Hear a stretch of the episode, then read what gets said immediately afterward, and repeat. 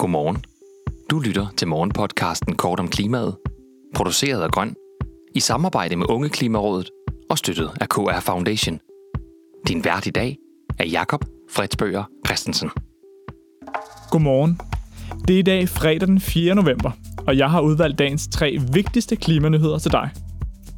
De konservatives Rasmus Jarlov skyder med skarpt efter blå blok, for ikke at have været tilstrækkeligt grøn i valgkampen. En ny forskningsrapport viser, hvor kolossale arealer verdens lande vil ændre til skov. Og endelig indgår Mærsk en aftale med en spansk virksomhed om at levere grøn metanol til skibsflåden. I Klimamonitor kan man læse, hvordan Rasmus Jarlov fra De Konservative har begyndt post-valgkampsreflektionerne. Han udtaler til mediet. Derudover tror jeg overordnet, at de borgerlige partier tabte det nu andet valg i træk, fordi ingen borgerlige partier har en klar nok profil på klimaet, som ellers er vælgernes absolute topprioritet sammen med sundhedsområdet. Rasmus Jarlovs analyse kan først for alvor testes, når valgforsker Kasper Møller Hansen og hans kollegaer udgiver den faste valganalyse med data på, hvordan vælgerne flyttede sig mellem partierne. Men potentialet for at rykke stemmer over midten med en mere progressiv klimapolitik er til stede. Det er spændende, hvilken klimapolitik Rasmus Jarlov forestiller sig, de konservative vil kunne foreslå. Et oplagt sted at starte er måske at kopiere Liberal Alliances tilgang til en høj, ensartet CO2-afgift, som også skal gælde landbruget.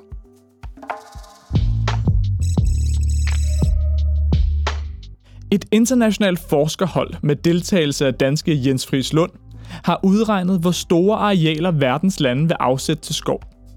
Det kan man læse om i Information.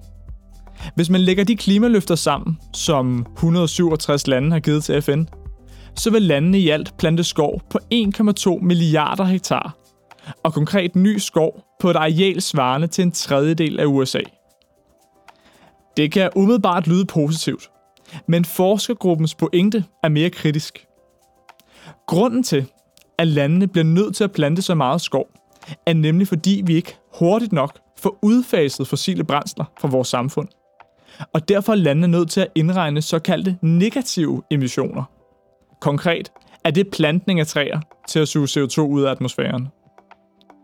1,2 milliarder hektar er et enormt område, og i lande som Indien, Myanmar og Nepal som satser stort på skovplantning, kan det gå ud over oprindelige folk og landsbysamfund, som i dag dyrker en jord, de ikke har papir på, og som bliver inddraget til skovplantning.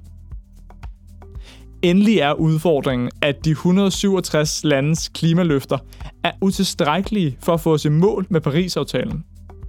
Hvis landene bare følger de nuværende klimaløfter, har vi kurs mod en temperaturstigning på 2,8 grader Celsius. Da det er farligt højt, så bliver nye tiltag nødvendige. Og her kan endnu mere skovrejsning hurtigt blive løsningen for mange lande, hvis man ikke er villig til at tage fat i de grundlæggende årsager til CO2-udledning i vores fossile vækstsamfund.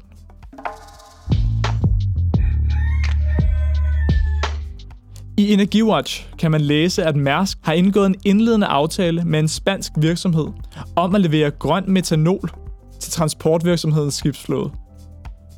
Mærsk er ved at få bygget 19 containerskib, der skal sejle på grøn metanol. Og den spanske aftale er årets 8. for Mærsk, som leder med lys og lygte efter leverandører på grøn metanol. Mærsk vil være CO2-neutral i 2040, og derfor har de travlt. De satser i første omgang på grøn metanol, produceret gennem såkaldt Power-to-X. Brændslet er bedre end de nuværende fossile, men er stadig problematisk, da man i produktionen af grøn metanol benytter kulstof. Og kulstof skal hellere gemmes væk og læres end brændes, hvis vi skal opnå vores klimamålsætninger. Tak fordi du lyttede med til Kort om klimaet. Vi har alle ugens hverdage udsendelsen klar kl. 8. Hvis du vil høre den med det samme, så gå direkte ind på vores feed på kortomklimaet.dk.